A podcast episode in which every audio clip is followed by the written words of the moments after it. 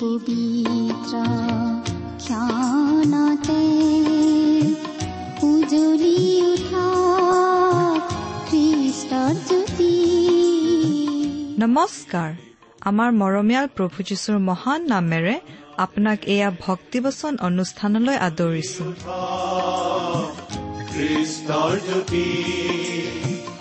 আকাশ বতাহ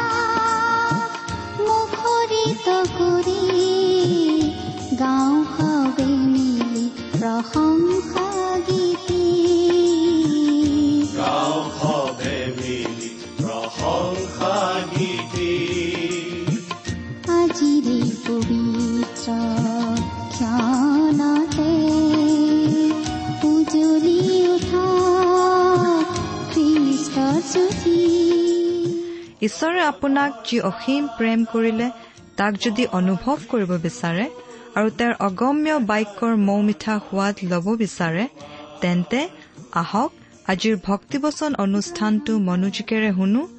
এয়া আপোনালৈ আগবঢ়াইছো। ঈশ্বৰৰ জীৱন্ত বাক্যৰ অনুষ্ঠান ভক্তিবচন।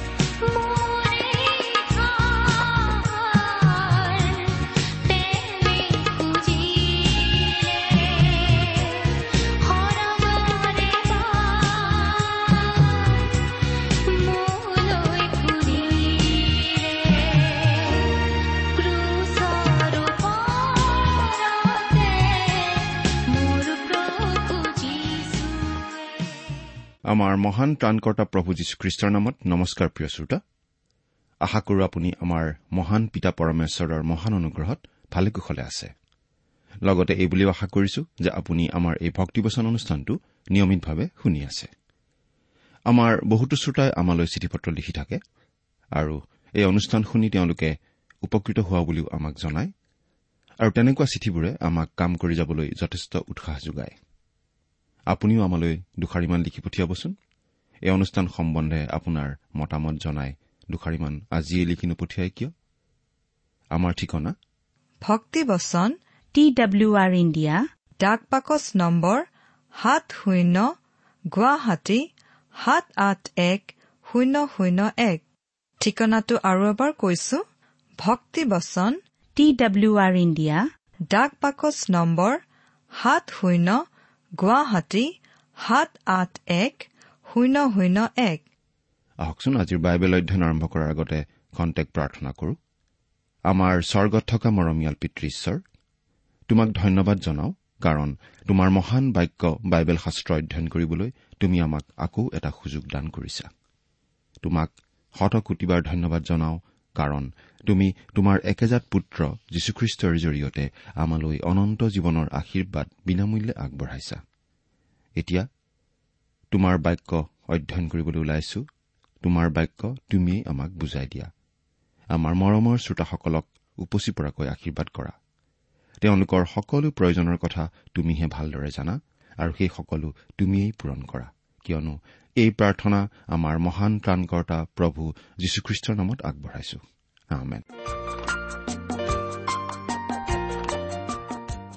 প্ৰিয় শ্ৰোতা আপুনি বাৰু আমাৰ এই ভক্তিপচন অনুষ্ঠানটি নিয়মিতভাৱে শুনি আছেনে?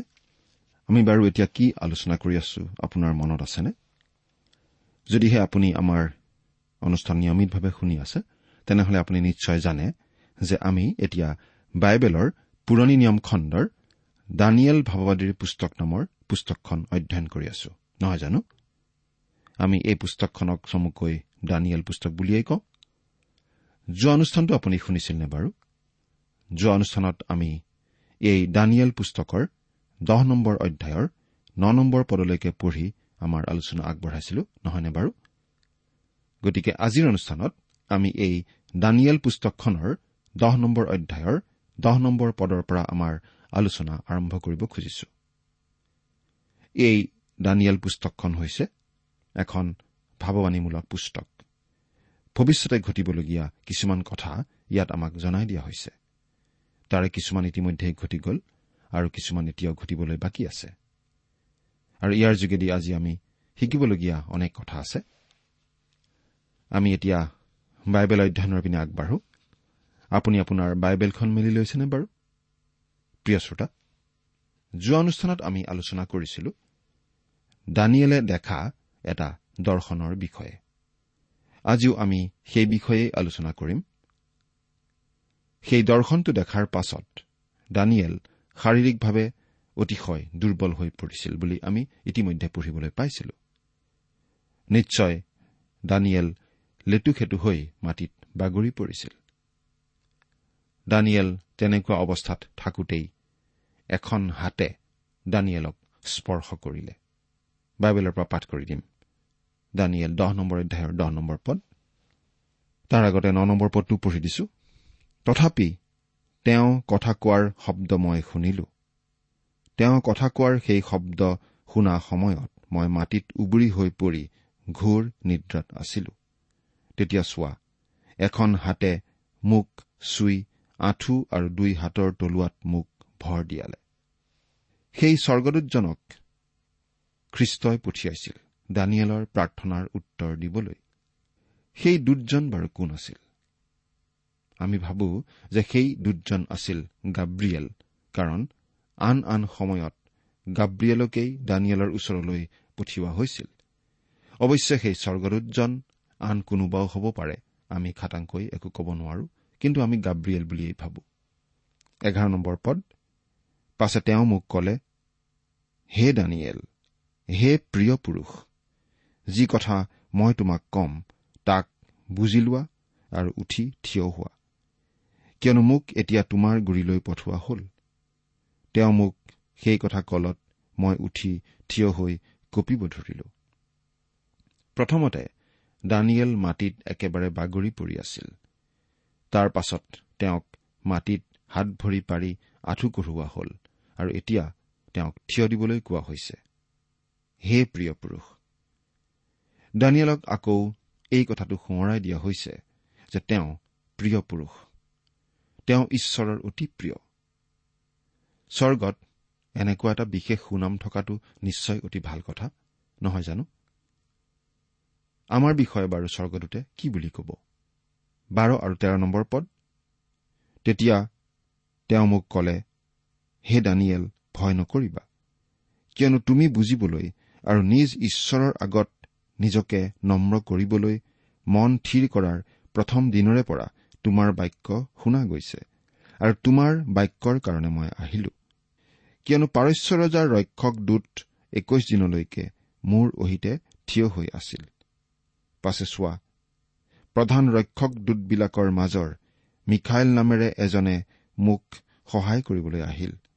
তাতে মই সেই ঠাইত পাৰস্যৰ ৰজাবিলাকৰ গুৰিত থাকিবৰ আৱশ্যক নহল। ইয়াত খন্তেকৰ বাবে এখন আঁৰ কাপোৰ আঁতৰাই দিয়া আমি পাইছো আৰু এই কথাটো প্ৰকাশ পাইছে যে এখন আম্মিক যুদ্ধ চলি আছে। ইয়াত আমি এইটো দেখিবলৈ পাইছো যে এই বিশ্ব জগতখনত আমি চকুৰে দেখাৰ বাহিৰেও বহু কিবা কিবি অনবৰতেই ঘটি থাকে। আমি যিমানখিনি জানো তাতকৈ বহু বেছি কিবা কিবি আছে। এই অদৃশ্য জগতখনৰ অতি সামান্য অংশহে আমাৰ আগত প্ৰকাশ কৰা হৈছে আৰু আমাক যিখিনি জানিবলৈ দিছে তাতকৈ বেছি জানিবলৈ চেষ্টা কৰাটো আচলতে উচিত নহয়। ইয়াত এই কথাটো আমাৰ আগত প্ৰকাশ কৰা হৈছে যে আমি চকুৰে নেদেখা অদৃশ্য আম্মিক জগতখনত এটা বিশেষ ধৰণৰ যুঁজ বাগৰ চলি আছে আৰু যুগ যুগ ধৰি চলি অহা এই যুঁজখন হৈছে ভাল আৰু বেয়াৰ মাজত। পোহৰ আৰু অন্ধকাৰৰ মাজত ঈশ্বৰ আৰু ছয়তানৰ মাজত। ইয়াত এই কথাটো দেখুওৱা হৈছে যে ছয়তানৰ নিজৰ বাহিনী আছে আৰু ঈশ্বৰৰ বাহিনীও আছে। প্ৰথম দিনৰে পৰা তোমাৰ বাক্য শুনা গৈছে আৰু তোমাৰ বাক্যৰ কাৰণে মই আহিলো। স্বৰ্গদূতজনে এই কথাটো জনাই দিছে যে দানিয়েলে প্ৰাৰ্থনা কৰাৰ লগে লগে ঈশ্বৰে শুনিলে আৰু লগে লগে উত্তৰ দিবৰ বাবে দূত হিচাপে তেওঁক পঠিয়াই দিয়া হৈছিল। কিন্তু আহি থাকোতে তেওঁৰ বাটত বাধা দিয়া হৈছিল আৰু সেইবাবে তেওঁ লগে লগে দানিয়েলৰ ওচৰ আহি পোৱা নাছিল। এইটো অতি চমকপ্ৰদ উক্তি। পাচনি পৌলে ইফিচিয়া খ্ৰীষ্টীয় বিশ্বাসীসকললৈ কোৱা কথাখিনি বুজাত ই আমাক যথেষ্ট সহায় কৰে। পাচনি পৌলে এই বুলি লিখিছিল ছয়তানৰ নানাবিধ কুকল্পনাৰ সন্মুখত থিৰে থাকিবলৈ সমৰ্থ হবৰ কাৰণে ঈশ্বৰৰ আটাই সাজ পিন্ধা কিয়নো তেজ আৰু মাংসেৰে সৈতে আমাৰ মাল যুদ্ধ হোৱা নাই। কিন্তু আধিপত্য ক্ষমতা এই অন্ধকাৰৰ জগতপতি আৰু স্বৰ্গীয় ঠাইবোৰত দুষ্টতাৰ আম্মিক দলবোৰে সৈতে হৈছে। ইফিচিয়া ছয় নম্বৰ অধ্যায়ৰ এঘাৰ আৰু বাৰ নম্বৰ পদ। ছয়তানৰ লগৰীয়া দূতবোৰৰ মাজতো ডাঙৰ সৰু আছে। সেই শক্তিবোৰৰ কাৰণেই বহুতো সময়ত আমি আমাৰ প্ৰাৰ্থনাৰ উত্তৰ পাওঁতে পলম হৈ যাব পাৰে। আৰু হয় আচলতে প্ৰাৰ্থনা মানে সদায় এখন আম্মিক যুদ্ধ। পৌলেও এই কথা অতি পৰিষ্কাৰ কৰি আমাক জনাই দিছে যে তেওঁৰ বাবে প্ৰাৰ্থনা সদায় এখন আম্মিক যুদ্ধই আছিল। আমি ৰোমিয়া পুস্তকৰ পোন্ধৰ নম্বৰ অধ্যায়ৰ ত্ৰিশ নম্বৰ পদৰ পৰা বত্ৰিশ নম্বৰ পদলৈকে পাঠ কৰি দিব খুজিছো তাত আমি এনেদৰে পাওঁ। হে ভাইবিলাক যিহুদিয়াত থকা আজ্ঞা নমনাবিলাকৰ পৰা মই যেন ৰক্ষা পাওঁ আৰু জিৰচালেমলৈ মোৰ যি পৰিচৰ্যা সেয়ে পবিত্ৰ লোকসকলৰ আগত যেন গ্ৰহণীয় হয় আৰু ঈশ্বৰৰ ইচ্ছাৰে তোমালোকৰ ওচৰলৈ আনন্দেৰে গৈ তোমালোকে সৈতে যেন মোৰ প্ৰাণ জোৰাওঁ এইকাৰণে তোমালোকে মোৰ অৰ্থে ঈশ্বৰৰ আগত প্ৰাৰ্থনা কৰাৰ দ্বাৰাই মোৰে সৈতে প্ৰাণপণে যত্ন কৰিবলৈ প্ৰভু যীশুখ্ৰীষ্টৰ নামৰ দ্বাৰাই আৰু পবিত্ৰ আত্মাৰ প্ৰেমৰ দ্বাৰাই তোমালোকক মই মিনতি কৰিছো। প্ৰাণপণে যত্ন কৰা মানে গ্ৰীক মূল শব্দটো হৈছে চুনাগনিজম আৰু এই শব্দটোৰ পৰাই ইংৰাজী এগনাইজ শব্দটো আমি পাইছো। অৰ্থাৎ আচলতে আমি প্ৰাৰ্থনাত যথেষ্ট কষ্ট কৰিব লাগে। আজিকালি কিন্তু প্ৰাৰ্থনা বিষয়টো অতি লঘু বা পাতল বিষয় যেন কৰি পেলোৱা হৈছে। আজিকালি আমি শুনিবলৈ পোৱা বেছিভাগ প্ৰাৰ্থনাতেই আমি নানা ৰহন লগোৱা শব্দ বা বাক্যহে শুনো। নাইবা অতি গভীৰ তত্বমূলক শব্দ বা বাক্য কিছুমান ব্যৱহাৰ কৰা আমি শুনিবলৈ পাওঁ। কিন্তু আমি ভাবো যে এনে ডাঙৰ ডাঙৰ ৰহন লগোৱা শব্দ নাইবা গভীৰ তত্বমূলক শব্দ নোহোৱাকৈ প্ৰাৰ্থনা কৰাটো বেছি সুবিধাজনক। প্ৰকৃত প্ৰাৰ্থনা কৰা মানে পৰিশ্ৰম কৰা কষ্ট কৰা বাধাৰ প্ৰাচীৰ অতিক্ৰম কৰি আম্মিক শক্তি মুকলি কৰি দিবলৈ কৰা পৰিশ্ৰম। নানা চকুত লগা সাহিত্যিক ভাষা ব্যৱহাৰ কৰি প্ৰভুক মনোৰঞ্জন দিবলৈ চেষ্টা কৰি নাইবা গভীৰ তত্বমূলক শব্দ ব্যৱহাৰ কৰি নিজৰ পণ্ডিতালী প্ৰদৰ্শন কৰিবলৈ চেষ্টা কৰি এই কাম কৰিব নোৱাৰি। নাই প্ৰিয় শ্ৰোতা আমি আচলতে এখন আম্মিক যুঁজহে যুঁজি আছো। আকৌ স্বৰ্গদূতজনে দানিয়েলক এই বুলি কৈছিল হে দানিয়েল প্ৰথম দিনৰে পৰা তোমাৰ বাক্য শুনা গৈছে আৰু তোমাৰ বাক্যৰ কাৰণে মই আহিলো। কিন্তু পাৰস্যৰ ৰজাৰ ৰক্ষক দূতে একৈশ দিনলৈকে মোৰ অহিতে থিয় হৈ আছিল। সেই পাৰস্যৰ ৰজাৰ ৰক্ষক দূত কোন বাৰু তেওঁ? কোনো জাগতিক বা মানৱ ৰজা নহয় কাৰণ কোনো মানুহে এই কাম কৰিব নোৱাৰে। কোনো মানুহে এজন স্বৰ্গদূতক ইমান দিন বাধা দি ৰাখিব নোৱাৰে। গতিকে এইজন আছিল ছয়তানৰ এক লগৰীয়া দূত বা প্ৰতিনিধি। আমি জানো যে ঈশ্বৰে তেওঁৰ স্বৰ্গদূতসমূহক সুসংঘবদ্ধভাৱে সজাই ৰাখিছে। গতিকে ছয়তানেও নিজৰ লগৰীয়া দূতবিলাকক এটা সৈন্যবাহিনী সজোৱাৰ দৰে সজাই ৰাখিছে। সেনাধ্যক্ষ colonel lieutenant second lieutenant sergeant corporal আদি বিভিন্ন বাববোৰ আছে। আৰু আমাৰ ধাৰণা হয় যে দানিয়েলৰ ওচৰলৈ অহা সেই স্বৰ্গদূতজনতকৈ উচ্চ পদবীধাৰী ছয়তানৰ কোনো এজন বিষয়াই বা দূতে সেই স্বৰ্গদূতজনক বাধা দি ৰাখিছিল। সেই ছয়তানৰ পদবীধাৰী দূতজন আছিল পাৰস্যৰ ৰজাৰ ৰক্ষক দূত। গতিকে স্বৰ্গদূতজন আহিব পৰা নাছিল আৰু তেওঁক বিশেষ সহায়ৰ প্ৰয়োজন হৈছিল। আৰু স্বৰ্গদূতবিলাকৰ প্ৰধান দূত মিখাইল নিজে আহি সেই স্বৰ্গদূতজনক সহায় কৰি দিবলগীয়া হৈছিল। সেই স্বৰ্গদূতজনক বাট ভেটি কিয় ধৰা হৈছিল বাৰু? কাৰণ দানিয়েলক পাৰস্য সাম্ৰাজ্য আৰু গ্ৰীক সাম্ৰাজ্যৰ বিষয়ে কথা জনাবলৈ সেই স্বৰ্গদূতজনক পঠিওৱা হৈছিল। স্বৰ্গদূতজন দানিয়েলৰ ওচৰলৈ আহি আছিল। আমি পিছৰটো অধ্যায়তেই সেই কথা জানিবলৈ পাম। এই বিশেষ কথাখিনি দানিয়েলৰ আগত প্ৰকাশ পোৱাটো ছয়তানে নিশ্চয় বিচৰা নাছিল। এয়া আছিল গোপন কথা আৰু এই গোপন কথা মানুহে জনাটো ছয়তানে বিচৰা নাছিল। কিন্তু দানিয়েলে সেই কথা জানিবলৈ পোৱাটো ঈশ্বৰে বিচাৰিছিল। প্ৰধান ৰক্ষক দূতবিলাকৰ মাজৰ মিখাইল নামেৰে এজনে মোক সহায় কৰিবলৈ আহিল। তাতে মই সেই ঠাইত পাৰস্যৰ ৰজাবিলাকৰ গুৰিত থাকিবৰ আৱশ্যক নহল। আমি এই কথাটো বুজি পাওঁ যে পাৰস্যৰ ৰজাবিলাকৰ সৈতে কিবা এখন আম্মিক যুঁজ চলি আছিল। আমি জানো যে সেই সময়ত দানিয়েলো পাৰস্য ৰাজ্যতেই আছিল।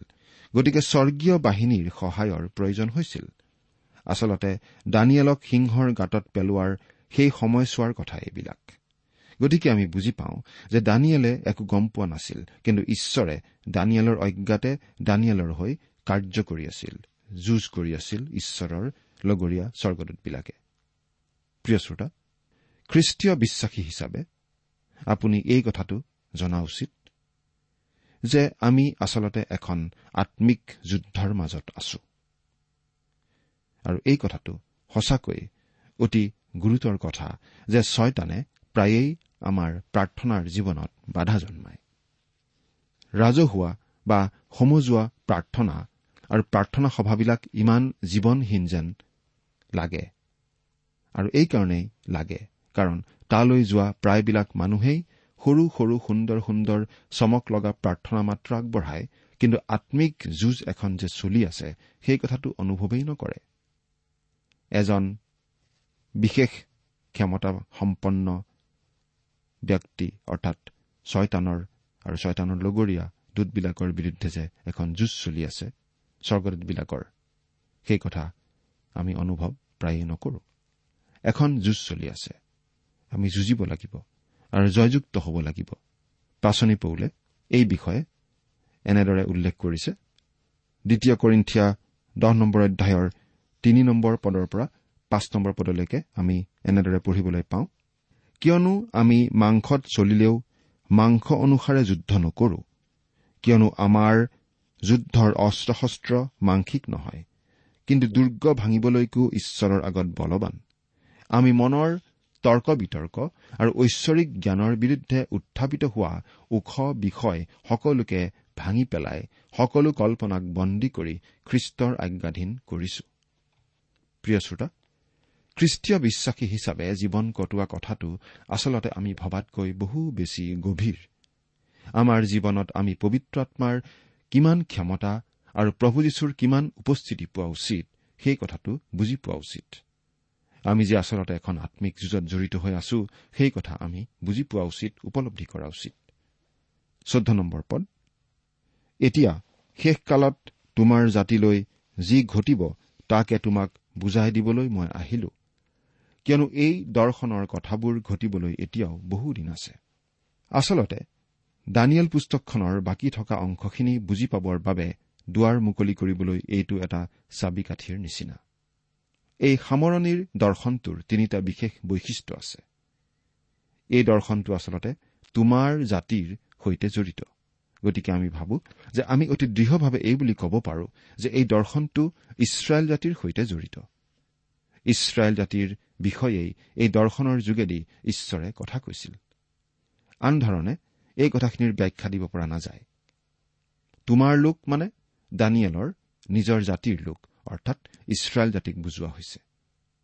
দ্বিতীয়তে এই কথাখিনি সফল কৰা হ'ব শেষকালত গতিকে দানিয়েল ভাৱবাদীয়ে দেখা সত্তৰ সপ্তাহৰ দৰ্শনৰ শেষৰ সপ্তাহটোত এই সকলোবিলাক ঘটিব বুলি আমি বুজি পাওঁ। অৰ্থাৎ ভৱিষ্যতে পৃথিৱীত হ'বলগীয়া সেই মহাক্লেশৰ সময়ছোৱাতেই এই সকলোবিলাক ঘটিব। শেষকাল মানে? সেই মহাক্লেশৰ সময়ছোৱাৰ শেষৰ পিনে এই সকলোবিলাক ঘটিব। তৃতীয়তে এই দৰ্শনৰ কথাবোৰ ঘটিবলৈ এতিয়াও বহুদিন আছে। এই দৰ্শনৰ কথাবোৰ ঘটিবলৈ এতিয়াও বহুদিন আছে। কথাটো আমি মন কৰিব লাগে। গতিকে ইয়াত সুদীৰ্ঘ সময়ৰ কথা জড়িত হৈ আছে বুলি আমি বুজি পাওঁ। কেৱল দৰ্শনৰ কথাখিনি ফলিওৱাৰ ক্ষেত্ৰতেই নহয় কিন্তু ফলিওৱাৰ আগতেও যে বহু দিন অতিবাহিত হ'ব লাগিব সেই কথাটো আমি ইয়াত বুজি পাওঁ। এতিয়া আমি দানিয়েলে দেখিবলৈ পোৱা এই দৰ্শনটোৰ দুটা ভাগৰ কথালৈ আহোঁ ঐতিহাসিক আৰু ভাৱবাণীমূলক। এই কথাখিনি দানিয়েলক জনোৱাৰ সময়ত এইখিনি আছিল ভাৱবাণীমূলক। কিন্তু তাৰে কিছুমান ইতিমধ্যে ফলিয়ালে অৰ্থাৎ আজি আমাৰ বাবে সেইখিনি ঐতিহাসিক কথা হৈ পৰিল। আনহাতে কিছুমান কথা ভৱিষ্যতে ফলিয়াব লগা হৈ আছে গতিকে সেইবিলাক এতিয়াও ভাৱবাণী হৈয়ে আছে। পোন্ধৰ আৰু ষোল্ল নম্বৰ পদটো পঢ়িছো। ইয়াত আমি এনেদৰে পাওঁ তেওঁ মোক এনেকুৱা কথা কলত মই মাটিলৈ মুখ কৰি অবাক হৈ থাকিলো। তাতে চোৱা মনুষ্য সন্তানৰ নিচিনা এজন পুৰুষে মোৰ ওঠ চুলত মই মুখ মেলিলো আৰু মোৰ আগত থিয় হৈ থকাজনক কলো হে মোৰ প্ৰভু এই দৰ্শনৰ কাৰণে মোক মৰ্মবেদনাই ধৰিছে মোৰ গাত একো শক্তি নাইকিয়া হ'ল। আমি এই কথাটো সহজেই বুজিছো যে এই বিশেষ দৰ্শনটোৱে দানিয়েলক শাৰীৰিকভাৱে যথেষ্ট প্ৰভাৱিত কৰিছিল। সোতৰ আৰু ওঠৰ নম্বৰ পদ। কাৰণ মোৰ প্ৰভুৰ এই দাসে কেনেকৈ মোৰ এই প্ৰভুৰ লগত কথা হ'ব পাৰে? কিয়নো মোৰ বিষয়ে কবলৈ গ'লে তেতিয়াৰে পৰা মোৰ গাত সমূলি বল নাইকিয়া হ'ল আৰু মুঠ উশাহো নাইকিয়া হ'ল। আজি যদি কোনোবা মানুহে কয় যে তেওঁ এজন স্বৰ্গদূতৰ দৰ্শন পাইছে কিন্তু যদি তেওঁৰ ওপৰত কোনো প্ৰভাৱ নপৰে। তেনেহলে আমাৰ মনত এই সন্দেহ নিশ্চয় উপজিব যে তেওঁ সঁচাকৈ স্বৰ্গদূতৰ দৰ্শন পাইছে নে নাই। কিন্তু দানিয়েলে দেখা সেই দৰ্শনে দানিয়েলৰ ওপৰত যথেষ্ট প্ৰভাৱ পেলাইছিল বুলি আমি ইয়াত পঢ়িবলৈ পাইছো। ঊনৈশ আৰু বিশ নম্বৰ পদ তাৰ আগতে ওঠৰ নম্বৰ পদটো পঢ়ি দিছো। তেতিয়া মানুহৰ আকৃতিৰ সেই পুৰুষজনে পুনৰাই চুই মোক সবল কৰিলে আৰু তেওঁ কলে হে প্ৰিয় পুৰুষ ভয় নকৰিবা। তোমাৰ শান্তি হওক। তুমি সবল হোৱা। হয় সবল হোৱা। তেওঁ মোক কলত মই সবল হৈ কলো মোৰ প্ৰভুৱে কওক কিয়নো আপুনি মোক সবল কৰিলে। তেতিয়া তেওঁ মোক কলে মই তোমাৰ ওচৰলৈ কি নিমিত্তে আহিলো তাক তুমি জানিছানে? এতিয়া মই পাৰস্যৰ ৰক্ষক দূতৰ লগত যুদ্ধ কৰিবলৈ ওলটি যাওঁ। আৰু চোৱা মই গুচি গলেই জাবনৰ ৰক্ষক দূতজন আহিব। গ্ৰীক দেশক প্ৰতিনিধিত্ব কৰা আন এটা দূত আহিব। অৰ্থাৎ ছয়তানৰ আন এক সহচৰ দূত আহিব। দানিয়েলৰ আগত কথা কোৱা সেই দূতজনে দানিয়েলৰ আগৰ পৰা বিদায় লৈ উভতি যাব লগা হৈছিল অনবৰতেই চলি থকা সেই যুদ্ধত অংশগ্ৰহণ কৰিবলৈ। সেয়ে যি হওক সত্যৰ পুস্তকত যি লিখা আছে তাক মই তোমাক জনাওঁ। তেওঁবিলাকৰ অহিতে মোক সহায় কৰিবলৈ তোমালোকৰ ৰক্ষক দূত মিখাইলৰ বাহিৰে আৰু কোনো নাই। সত্যৰ পুস্তকত যি লিখা আছে। সেই স্বৰ্গদূতজনে দানিয়েলক ঈশ্বৰৰ বাক্যৰ প্ৰতি আঙুলিয়াই দিছিল। যি লিখা আছে অৰ্থাৎ ঈশ্বৰৰ বাক্যত যি লিপিবদ্ধ কৰা আছে তাৰ লগত নিমিলা একো কথা দানিয়েলে শুনিবলৈ নাপায় নাইবা নেদেখে। এইটো অতি গুৰুত্বপূৰ্ণ কথা। প্ৰিয় শ্ৰোতা আম্মিক যুদ্ধত ব্যৱহাৰ কৰিবলৈ কাৰ্যকৰী অস্ত্ৰ মাত্ৰ এটাই আছে।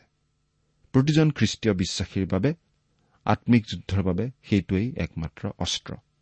সেই অস্ত্ৰনো কি বাৰু? সেই অস্ত্ৰ হৈছে ঈশ্বৰৰ বাক্য। শাস্ত্ৰত ঈশ্বৰৰ বাক্যক আত্মাৰ তৰোৱাল বুলি কোৱা হৈছে দুধৰীয়া চোকা তৰোৱাল বুলি কোৱা হৈছে। আমাৰ বহুতেই কিন্তু এই অস্ত্ৰ ব্যৱহাৰ কৰিব নাজানে। ব্যৱহাৰ কৰিবলৈ শিকা নাই। আপুনি বাৰু ঈশ্বৰৰ বাক্য তৰোৱাল হিচাপে ব্যৱহাৰ কৰিবলৈ শিকিছেনে? চিন্তা কৰি চাওকচোন। ঈশ্বৰে আপোনাক আশীৰ্বাদ কৰক। আমেন।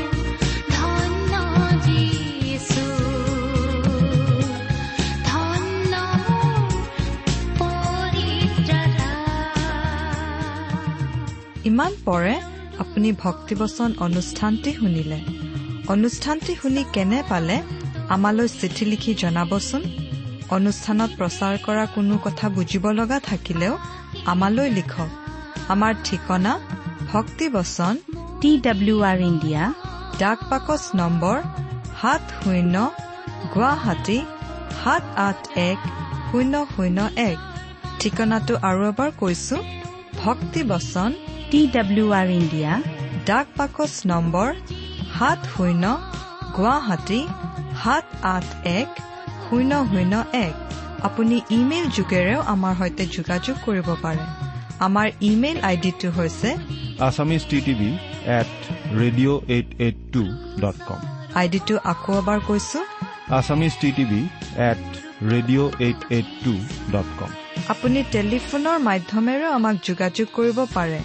আমাৰ টেলিফোন নম্বৰটো হৈছে শূন্য তিনি ছয় এক দুই ছয় শূন্য চাৰি ছয় সাত এক।